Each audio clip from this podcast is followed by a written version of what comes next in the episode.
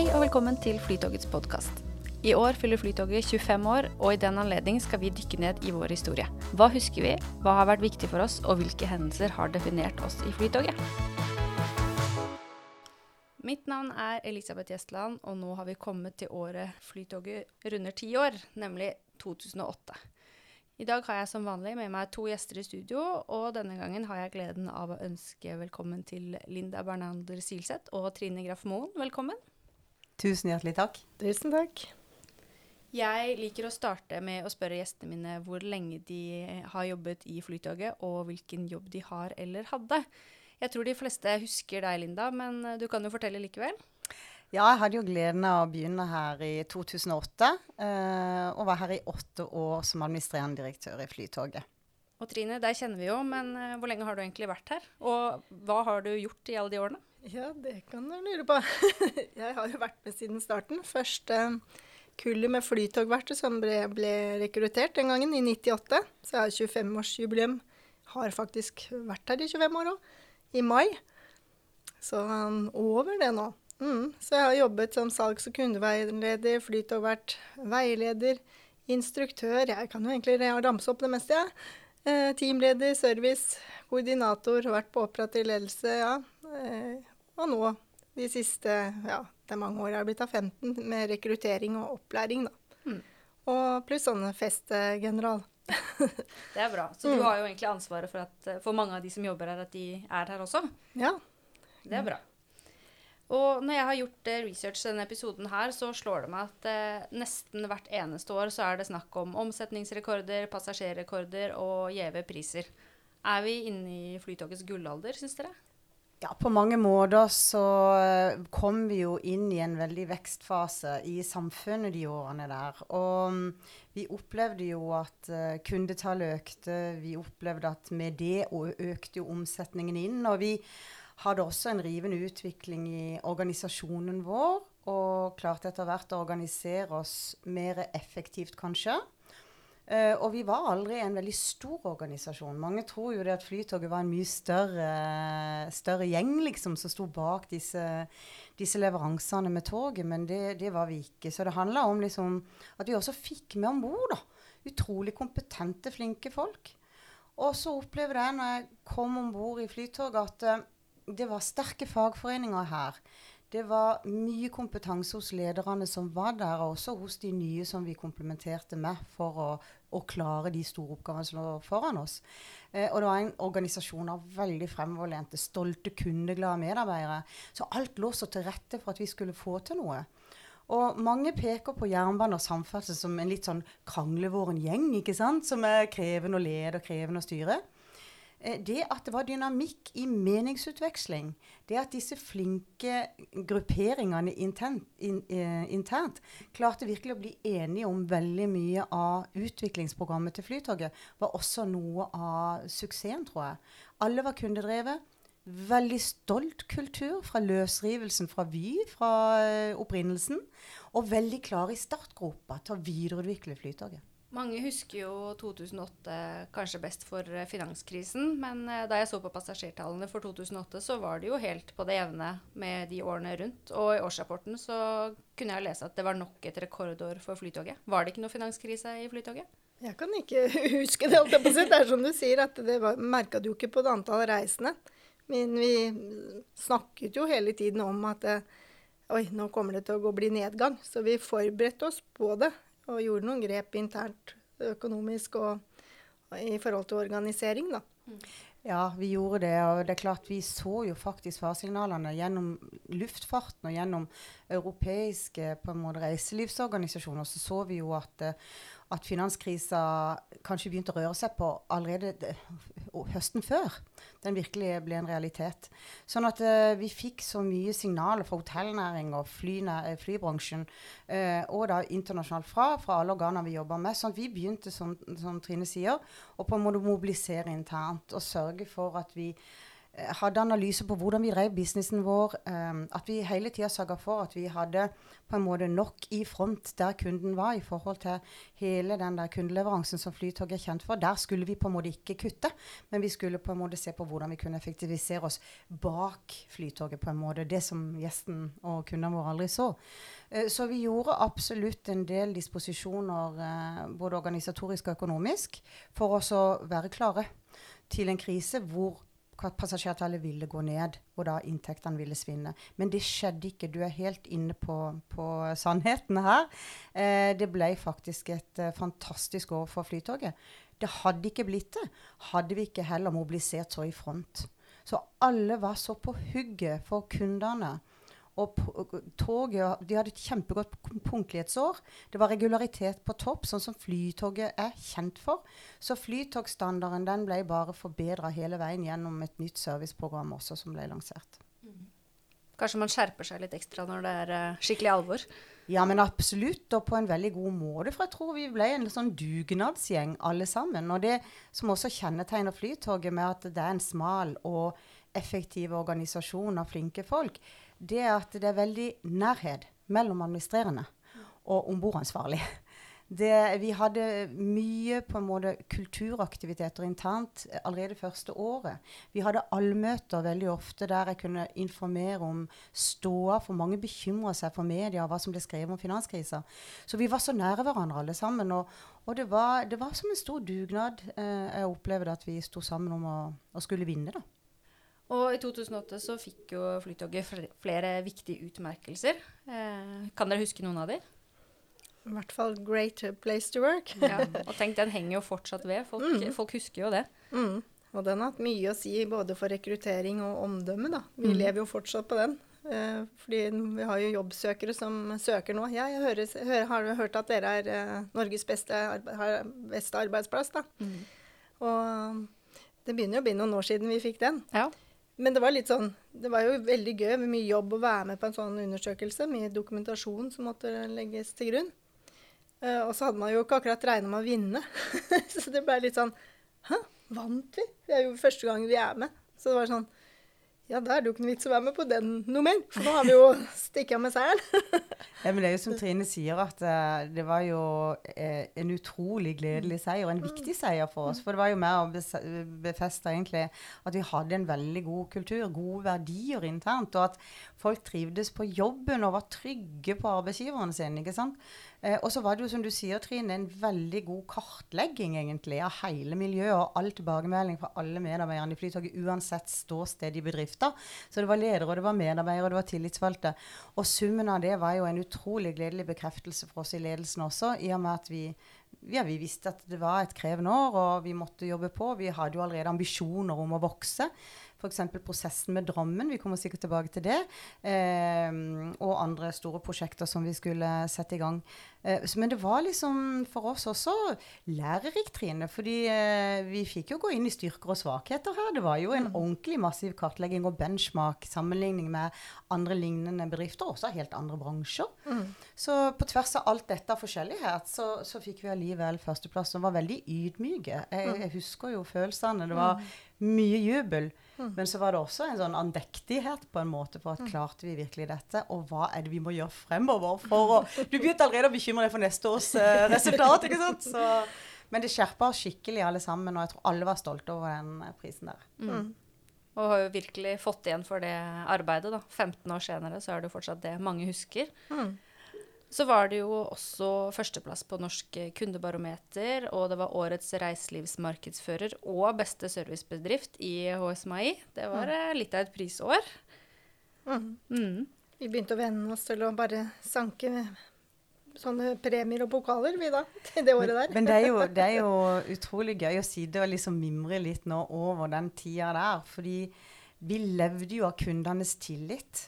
Eh, og vi var helt avhengige av å bli godt likt, ikke sant. Eh, vi var jo eh, nærmest i en sånn konkurranse eh, den gang med NSB.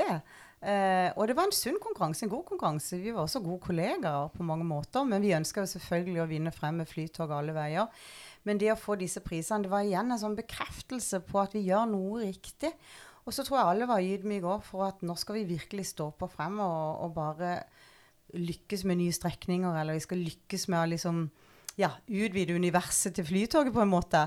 Så det ga oss et virkelig sånn eh, motivasjonskick til å, å, lage nye investeringsplaner og virkelig jobbe videre med alle kundetreffpunktene. Og var det noen vi ikke hadde kartlagt, så tror jeg vi bare vi gikk opp alle kundens stier igjen og sørga for å tette igjen avvik der vi ikke kanskje hadde levert som vi skulle. På punktlighet, regularitet og på, på hele den servicetjenesten som Flytoget gir til folk. Og den dag i dag så er det norske folk veldig glad i Flytoget sitt. Så la oss bare håpe at Flytoget får bestå som Flytoget er, og så skal alle utvikle seg. Selvfølgelig, det må man gjøre for å vinne krigen der fremme.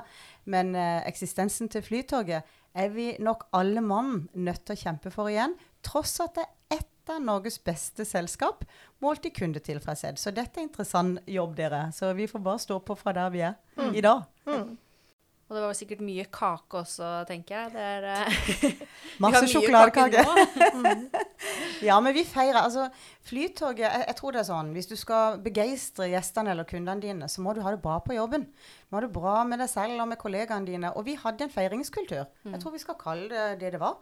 Eh, når vi hadde allmøte, så hadde vi alltid kake, god mat. Eh, mm. Når det var jul, samla vi familiene til medarbeiderne. Hvis vi var inne og sponsa viktige kulturarrangementer i Oslo, som ski-VM eller Munch-museets vandreutstilling, så sørga vi alltid for at medarbeiderne var en del av pakka. Da skulle de oppleve kunst og kultur, de skulle oppleve skirenn. Eh, og de skulle ta med familiene sine på ulike arrangement. Så vi prøvde jo å favne veldig om hverandre. fordi hvis, hvis, du skulle stå hver dag og levere til en gjest og en kunde den samme gode flytogopplevelsen, så må, måtte du ta med deg smilet fra kantina. Mm. Så du måtte ha blitt begeistra sjøl først. Så vi, ha, vi, spiste veldig mye kake, og særlig sjokoladekake, hvis jeg fikk bestemme, da. Du var jo litt inne på det allerede, Linda. Men eh, i 2009 så var det jo to ting som skjedde som har hatt veldig mye å si for Flytoget og for de reisende. Eh, og det var jo for det første at Flytoget fikk nye mellomvogner, og da ble det jo 40 bedre plass om bord. Og så fikk vi da ny endestasjon eh, i Drammen. Eh, hvis vi tar de nye vognene først, da, hvor nødvendig var det å få mer plass om bord? Ja, men altså, det var helt nødvendig. Vi, vi eh, var jo en vekstbedrift og skulle på en måte fylle togsettene med flere passasjerer. Det, der kommer jo det økonomiske inn, ikke sant. Eh, vi måtte sørge for å på en måte øke overskuddet til staten Norge. Eh, alle eier jo en bit av Flytoget. Eh, og vi, eh, vi ønska jo på en måte å forbedre alle prestasjoner. Og da så vi jo at vi var kommet til en flaskehals når det gjaldt kapasitet. Så det var helt nødvendig for oss å øke det med At det ble akkurat 40% det er jo sånn som blir til mens, uh, mens, du har utviklingsplaner. Men det var helt nødvendig for oss med de nye mellomvognene for å på en måte ta ut kapasiteten mot passasjerene når det var eh, gode avganger. Så for å maksimalisere eh, antall om bord, så var vi helt nødt til å gjøre det. Uh, Kanskje ikke akkurat det, det året der, men vi så jo at veksten kom. Reiseliv er jo den næringen i verden, bortsett fra covid og kanskje finanskriser, som øker mest hvert år. Mm. Vi vil reise mer, og iallfall på det tidspunktet. Før kanskje alle var like klimabevisste som i dag. Selv om tog er et klimabevisst valg, eh, så så vi jo at det, det vil bare øke fremover. Og da vil vi være klare der fremme til å kunne ta veksten til Flytoget. Mm det at vi begynte å kjøre til Drammen, det tror jeg har hatt stor betydning for mange. Vi får jo det er stadig sånn boligannonser og sånn hvor det står sånn 'kort vei til Flytoget'. Eh, og kumlokkene i Drammen har jo også et tog som ligner veldig på Flytoget. Eh, men eh, hvordan gikk det egentlig til at vi, at vi utvidet helt dit? Ja, det, altså det, det, var en, eh, det, var jo en, større oppgave å lykkes med, for å si det sånn, ikke minst politisk.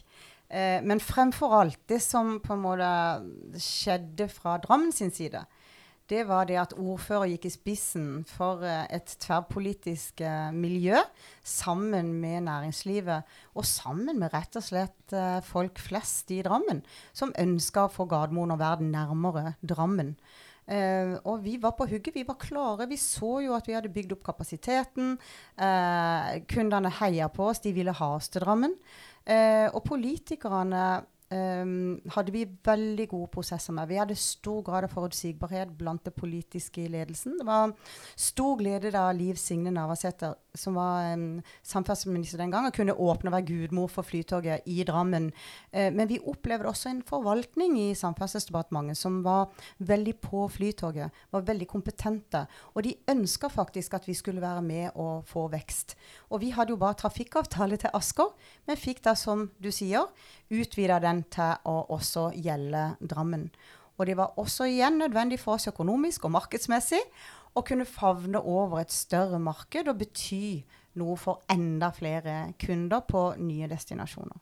Men eh, til tross for at eh, dette kanskje er eh, gullalderen, så er det jo bokstavelig talt en stor mørk sky som eh, hviler over den perioden vi snakker om nå. Mm. Eh, husker dere hva som skjedde i 2010? Ja, Askeskyan. Ja, det, det var ikke bare bare i forhold til permitteringsvarsel som ble sendt ut.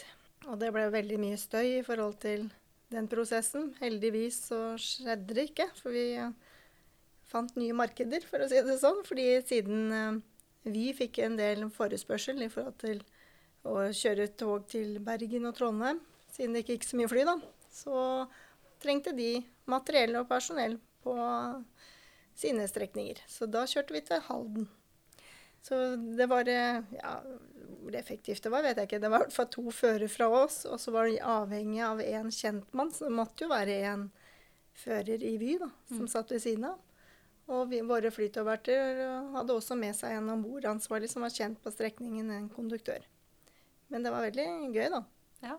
Prøve seg på andre strekninger. Ja, det ble jo gøyere etter hvert, ja.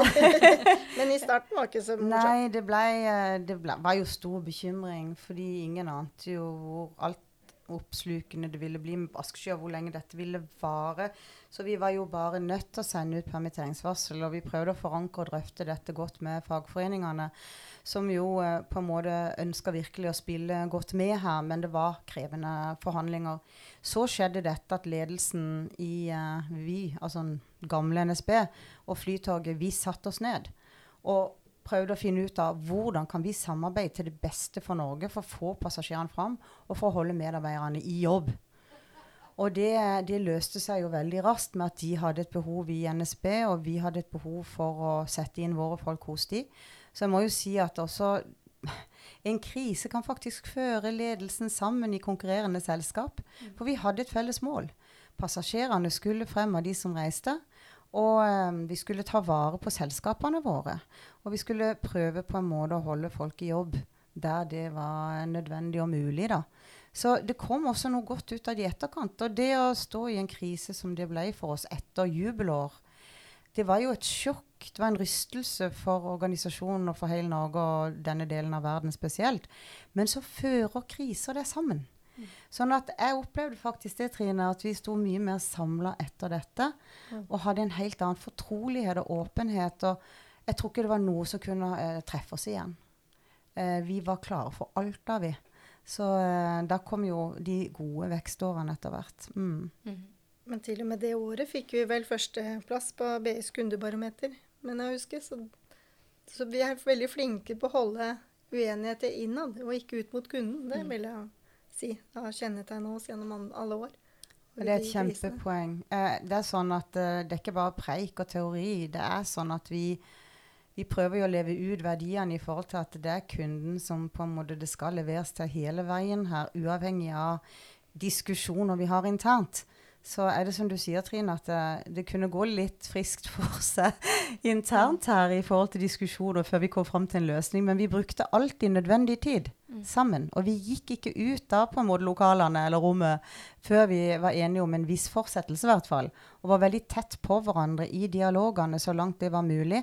Um, så fant vi løsninger. Og det var helt riktig at uh, vi, uh, vi skulle skåne, skåne kundene våre for alt det det var verdt. Og en annen viktig hendelse i 2010, det var jo at eh, vi flyttet sammen til det som ble kalt Felles hjem. Og det var jo, så vidt meg bekjent, første gang operativt ansatte og administrasjonen ble samlet under samme tak. Mm. Hvordan var det? Ja, det var mye støy i starten da også, fordi det var en veldig stor endring. Man hadde jo litt sånn subkultur, vil jeg si, litt her og der. Vi var jo lokalisert i Karl Johans gate administrasjon, og så hadde jo de operative på Oslo S. Et lite, trangt rom der med en stor, stor sofa. det var jo altfor små lokaler. Mm. Og, og, så hadde vi servicesjefene eh, i et annet lokal igjen, pluss salget da, på Gardermoen.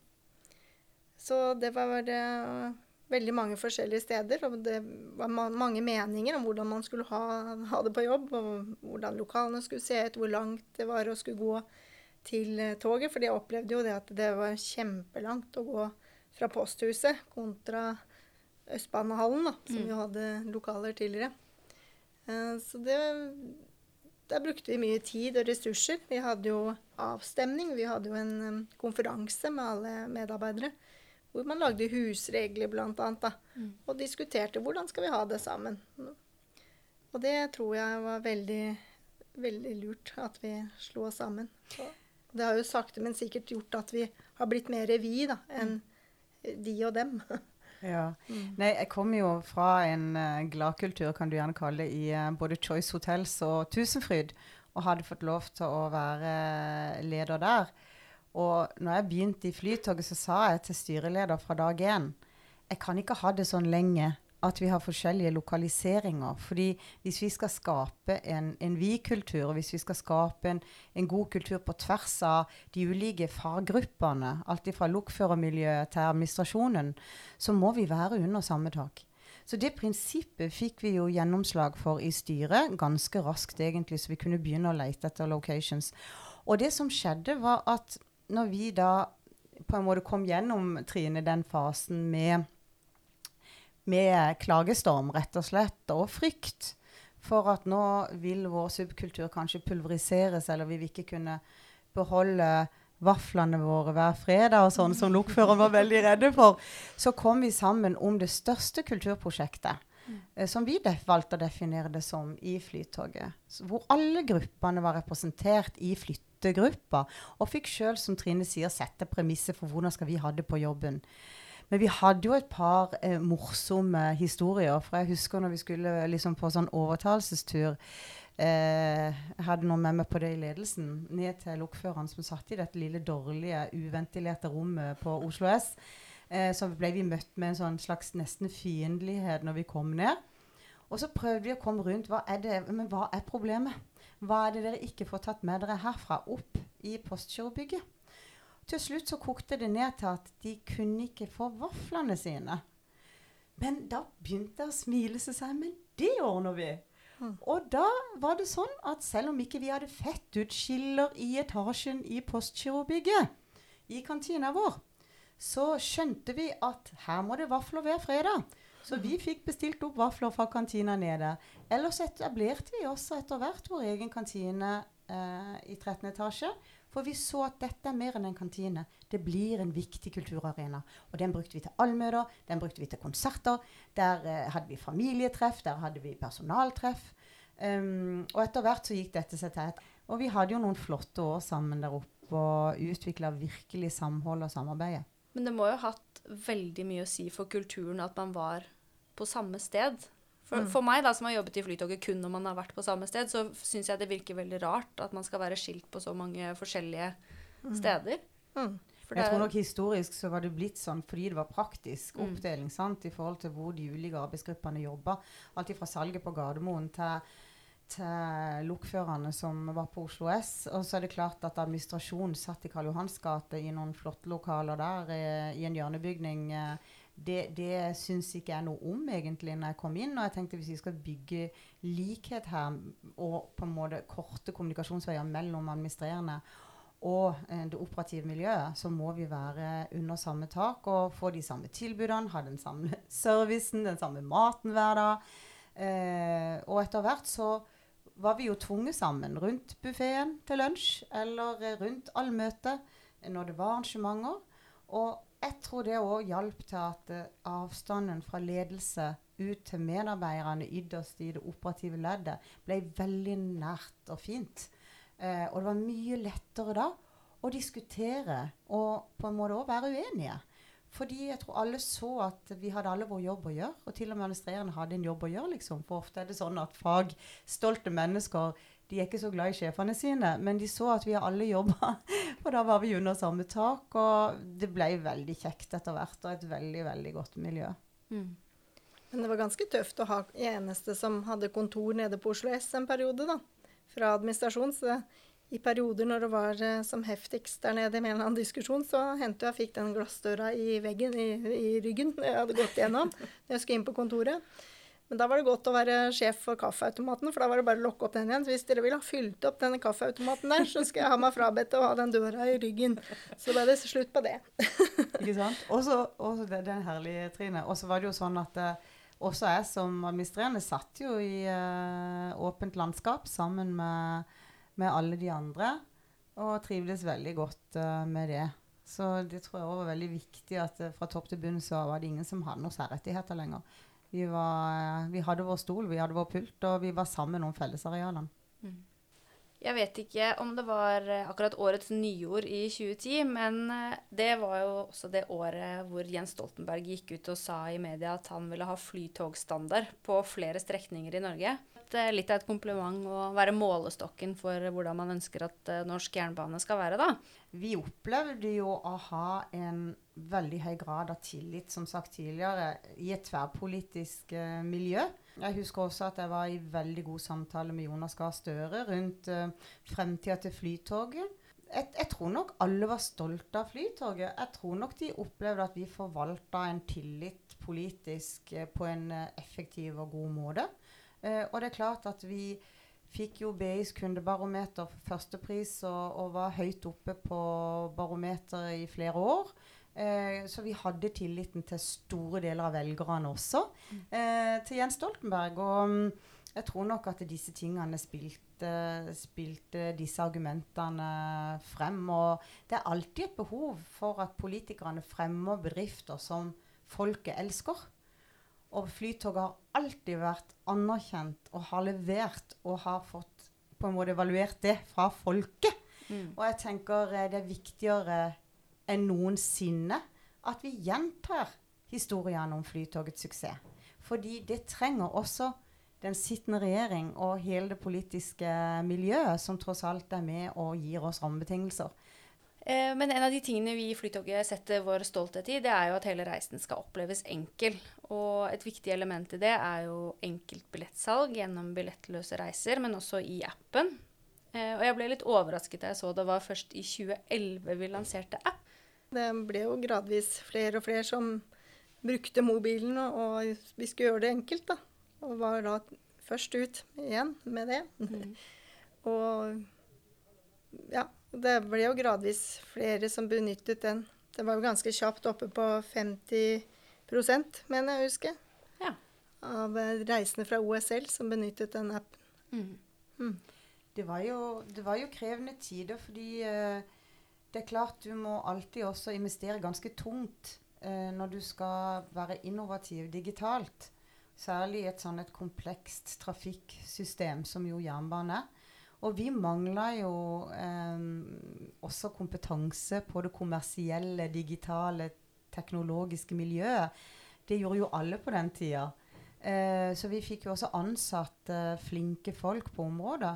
Og eh, satt fri investeringsmidler til å kunne gå inn og lage en ny kundereise digitalt. Som begynte da med appen, egentlig. Um, og den har jo bare fortsatt. Og det er jo noe som aldri vil ta slutt, den reisa der, tenker jeg. At du må jo stadig innovere og gjøre reisa sømløs også digitalt for kundene og en ny generasjon av reisende. Mm. Mm. Og litt i samme forbindelse så var det jo eh, også da man begynte med nettbrett for eh, de som jobber om bord. Mm. Hva gjorde det med arbeidshverdagen? Sekken ble i hvert fall veldig mye lettere. med alle sirkulærer. Og det var utrolig mye papirer man måtte gå rundt med i den sekken. Mm. Uh, så det letta jo veldig. Men samtidig så var det jo en del som også måtte ha datakurs. Mm. Fordi man var ikke vant med slike verktøy. Uh, man har jo, ja, brukte jo ikke data så mye i hverdagen, da. Og da var det jo en del eldre garde blant førerne våre. Uh, så jeg husker da at det ble en Katalin holdt datakurs, husker jeg. Ja. For å få de opp og gå til å forstå hvordan man skulle gå inn og hente ut dokumenter man trengte da å kvittere. Mm. Men uh, når det var gjort, så ble det jo mye lettere. Da satte de jo veldig pris på hvor lett tilgjengelig alt var, da. Og hvor mye lettere sekken var. Ja, det kan jeg se for meg. I 2012 nådde vi nok en milepæl da det var første gang med over 6 millioner reisende. Og så fulgte vi opp da med over 6,5 millioner året etter. Og i 2013 så ble det jo da tatt en viktig beslutning som kanskje var litt pga. den passasjerveksten, nemlig å bestille nye tog. Eh, hvordan er det egentlig å, bestille, gjøre en sånn bestilling? Det er jo ikke akkurat uh, småpenger det er snakk om. Nei, altså det handla jo selvfølgelig om at vi var i en vekstfase. Eh, og det handla om at vi hele tida hadde en visjon og ambisjon om å ta en større del av jernbanenettet på Østlandet. Så allerede da satte jo vi ned en liten prosjektgruppe som skulle jobbe med nye strekninger. For eh, det er klart, eh, Drammen ga mersmak. Og vi så jo at når vi på en måte fikk eh, drifta oss litt i gang og høsta erfaringer i teknisk og operativt miljø, så så vi jo at vi hadde kapasitet til så mye mer. Så vi satte jo også ned um, en ekstra arbeidsgruppe. Tok ut teknisk direktør som leda det prosjektet, sånn at de kunne jobbe fritt ved siden av den operative driften. Så vi, vi var jo klare, vi, til den dagen det var åpna for det politisk, å søke på nye strekninger.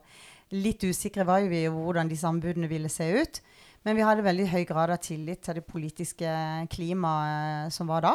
Uh, og tverrpolitisk hadde vi jo en uh, stor tillit, som sagt. Uh, ikke bare i politisk ledelse, altså storting, um, trafikkomiteen, um, transportkomiteen altså. Så, så, mange heia oss frem da, og da var det viktig for oss å utvikle et program. og utvikle på en måte konsepter, kan du gjerne kalle det. Altså driftsformer for hvordan vi skulle løse dette med å kunne gå inn og ta nye strekninger. Så det var jo en del av det løftet vi tok da. Mm. Så for å toppe hele denne gullperioden så vant jo Flytoget Norsk kundebarometer for eh, tredje år på rad i 2014. Det er vanskelig å få det bedre da. Hvordan var det å jobbe i Flytoget i en sånn eh, tid? Nei, det ble det var jo bare hallelujastemning hver gang det var disse kåringene. For vi satt jo bare og venta på noe gnei og sena. Nei da. Men vi jobbet jo for det, for det, liksom, det, det er litt, stilles jo krav når man hele tiden ligger på pallen da, og førsteplass. Eh, det er jo veldig stor forskjell fra da jeg begynte i Flytoget. For da var det jo Kundene var, hadde egentlig ingen forventninger til Flytoget i det hele tatt. De var egentlig litt negative. De hadde lest og sett nyheter om Rockagil og Romeriksporten og alle utfordringene der, pluss at de i utgangspunktet egentlig ikke hadde lyst til at eh, hovedflyplassen skulle legges langt ut på landet, for det føltes mye nærmere når det var på Fornebu. Så de var egentlig litt negative. Så det kunne egentlig bare gå oppover. for jeg tenkte på det mange ganger, at det hvor mange spørsmål jeg fikk om hvor trygt er det egentlig å kjøre gjennom denne porten. Hvor lang er den? Ja, er det, hva gjør du hvis det skjer noe? Det var, og så var det om flyplassen. De hadde kanskje blitt stående i lang kø med bagasjesystem som ikke fungerte. Avvisningssystemet på flyene som skapte store køer, da. Så de kom og var egentlig litt irriterte når de endelig da kom på flytoget. Eh, og etter hvert så klarte vi liksom å begeistre dem mer og mer. At vi var positive og blide og, og prøvde å hjelpe dem så godt vi kunne hvordan det her gradvis ble til at de var fornøyde. Oi, vi var punktlige, vi, vi, var til å stole på, vi hadde reisegaranti hvis det skulle skje noe underveis. Eh, og, og det opparbeide den tilliten. Det var jo lettere når du starta på null og egentlig liksom Det kunne bare gått én vei. Enn når du hele tiden har de høye forventningene, da. Mm. Så det stiller jo noen helt andre krav hver dag. Ja, så tror jeg det motiverer deg veldig som en organisasjon til å bare levere best i alle ledd av, av den kunde, kundekjeden, på en måte. Så er det jo som du sier, vi, vi, var, jo, vi var, jo, katolske på avvikshåndtering. Altså, eh, dessverre så er det jo sånn at avvik skjer for alle, eh, særlig i transportbransjen. Og, og istedenfor at det skulle komme som en overraskelse, så hadde vi alltid trent og drilla egentlig på hvordan vi skulle møte avvik. og åpne igjen så fort som mulig i forhold til våre passasjerer. Og vi hadde også denne gode reisegarantien. Eh, og det gikk jo rett og slett så enkelt ut på at Og den har jo Flytoget enda den dag i dag. Det at hvis vi er skyld, hvis vi var skyld, Flytoget, i at du ble forsinka eh, til ditt reisemål, så, så finansierte vi og betalte vi den reisen din hvis du sjøl hadde vært ansvarlig og gjort det du skulle. Og når det gjaldt punktlighetskulturen vår, så er det klart at vi hadde kampanjer internt jevnt og trutt, Trine, mm. på hvordan jobbe med punktlighet. Hvordan ha det som en verdi i hverdagen vår, uansett hvor vi jobba i Flytoget. Sånn at jeg tror det er sånn eh, vi var utrolig takknemlige når vi fikk pris, når vi fikk da kundeprisen for tredje gang da var, jo, da var, det jo, feiring. Og da feira vi jo selvfølgelig ikke alene. Vi feira sammen med passasjerene og sammen med samarbeidspartnere. Vi gjorde mange typer feiringer for å holde liv i den gleden og den anerkjennelsen som lå fra våre kunder. Og det gjorde jo at vi ble bare motiverte og ordentlig vinnerskaller på å gå videre og få flytoget på flere strekninger. Mm. Og det må jo være ganske selvforsterkende også i å, i å få en sånn pris, for da vil man jo virkelig stå på til neste gang også. Mm. Og det gjør vi jo fremdeles. Så var det veldig gøy å høre at Flytoget ble jo stadig nevnt. Jeg studerte jo samtidig på den tiden òg. Og stadig vekk så brukte jo foreleserne Flytoget som eksempel da, mm. på BI. Så bare sånn hm, Der jobber jeg. og vi ble jo spurt om å holde kurs. Vi har jo hatt servicekurs for um, ja, Thon hotell, blant annet. En del reiselivsskoler som er nysgjerrig på oss. Hva har dere gjort? Så man merket jo på den måten at man ble attraktiv på flere områder. Mm. Med mange bedrifter som så opp til Flytoget da, og ville høre historien. Og på antall mengder på som søkte jobb, spesielt som flytogvert. Mm. Eh, for der var det veldig skrapa en periode. Vi var til og med i Sverige for å rekruttere, eh, fordi det var litt eh, dårlig marked her. Og nå ligger vi mellom 500 og 700 søkere når vi lyser ut. Så er det jo pga. merkevaren. Mm. Ja, så handler jo det med, med, merkevare om hva du fyller det med. fordi tidlig så jobber vi med bærekraft på mange deler av eh, organisasjonen.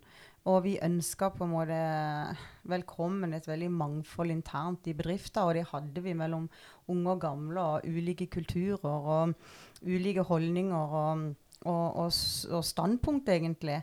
Og så gjorde jo det noe med hele arbeidsmiljøet og trivselen. Og det er klart at vi stadig kunne legge fram medarbeiderundersøkelser som viste egentlig at medarbeiderne var like fornøyd med Flytoget som egentlig kundene var. Altså, det var jo en veldig forsterkning mot markedet av, når vi skulle rekruttere. Mm. For det var ikke lett å få tak i flinke folk hele tida, som du er inne på, Trine. Og det som nå også, så er det jo en, et sug og et jag etter flinke folk og kompetente mennesker uh, av flere bransjer. Og det at, uh, at du fikk disse, disse, prisene fra kundene, men at også medarbeiderne ga oss høy score år etter år. Og at vi på en måte klarte å megle og løse utfordringer på hjemmebane. Det tror jeg var med å løfte oss enormt mye. Både den bærekraftsatsinga vi gjorde, verdiene våre, um, og det at vi, eh, vi, var, eh, vi, hadde på en måte bekreftelse og anerkjennelse fra våre egne medarbeidere og, eh, og, kundene. Så det gjorde at vi ble en attraktiv arbeidsplass, og det tror jeg Flytoget er den dag i dag. Det kan vel Trine bekrefte? ja. Jeg skulle bli her noen år, ja, men jeg er her ennå. det er mange som sier det. Mm. Men vi må begynne å runde her. Eh, helt til slutt så vil jeg spørre hva er det dere husker aller best fra den perioden vi har vært gjennom? Det er jo de Ja, det man har jobbet opp, den stoltheten når man van, begynte å vinne disse prisene. Jeg må jo si det. At når vi begynte å være på pallen og fikk førsteplass og og fortsatt klarte det Det var liksom ikke engangstilfelle. Vi klarte å være oppå der også og levere. Det er klart det, det ga jo litt ekstra gåsehud. For da fikk vi jo igjen for det vi egentlig hadde sett for oss den, allerede den gangen vi startet. For da var vi veldig på at vi skulle klare dette her. Mm. Og det ga jo mersmak, det. Mm. Jeg er veldig enig med deg, Trine. Og vi, vi, var jo utrolig glad i Flytoget, alle vi som jobber her, uansett hva vi drev med. Og noe av det sterkeste i de årene vi vant priser, var at vi gikk ut på stasjon. Eh, om det var Gardermoen eller i Drammen etter hvert, eller det var på Oslo S særlig. Og da var vi alle mann til pumpene og delte ut drikk drikke og gaver og mat til eh, passasjerer når de enten skulle reise eller kom inn f.eks. til Oslo S. Da tømte vi litt kontoret noen ganger. Og det var, det var det kjekkeste jeg gjorde. Det var å få lov til å gå ut av kontoret og være på stasjonen, møte kundene. Og det var ikke alltid at alt gikk på skinner, så du måtte jo kunne bidra litt eh, der og da. Så det var jo et virkelig sannhetens øyeblikk å gå ut. Men det var noe av det sterkeste i Flytoget. Hvordan vi alle på en måte var på samme nivå når det gjaldt å gjøre en kunde lykkelig. Og vi sto sammen og gjorde det òg. Hadde òg en vanvittig verdi. Og det, det skapte et samhold og en tilhørighet og en kjærlighet til bedrifter som jeg tror lever enda. Det var et godt siste ord. Linda og Trine, tusen takk for at dere hjalp meg med å gå nærmere inn på denne delen av Flytogets historie. Takk for at vi fikk komme, og lykke til videre. Bare hyggelig. Takk for meg.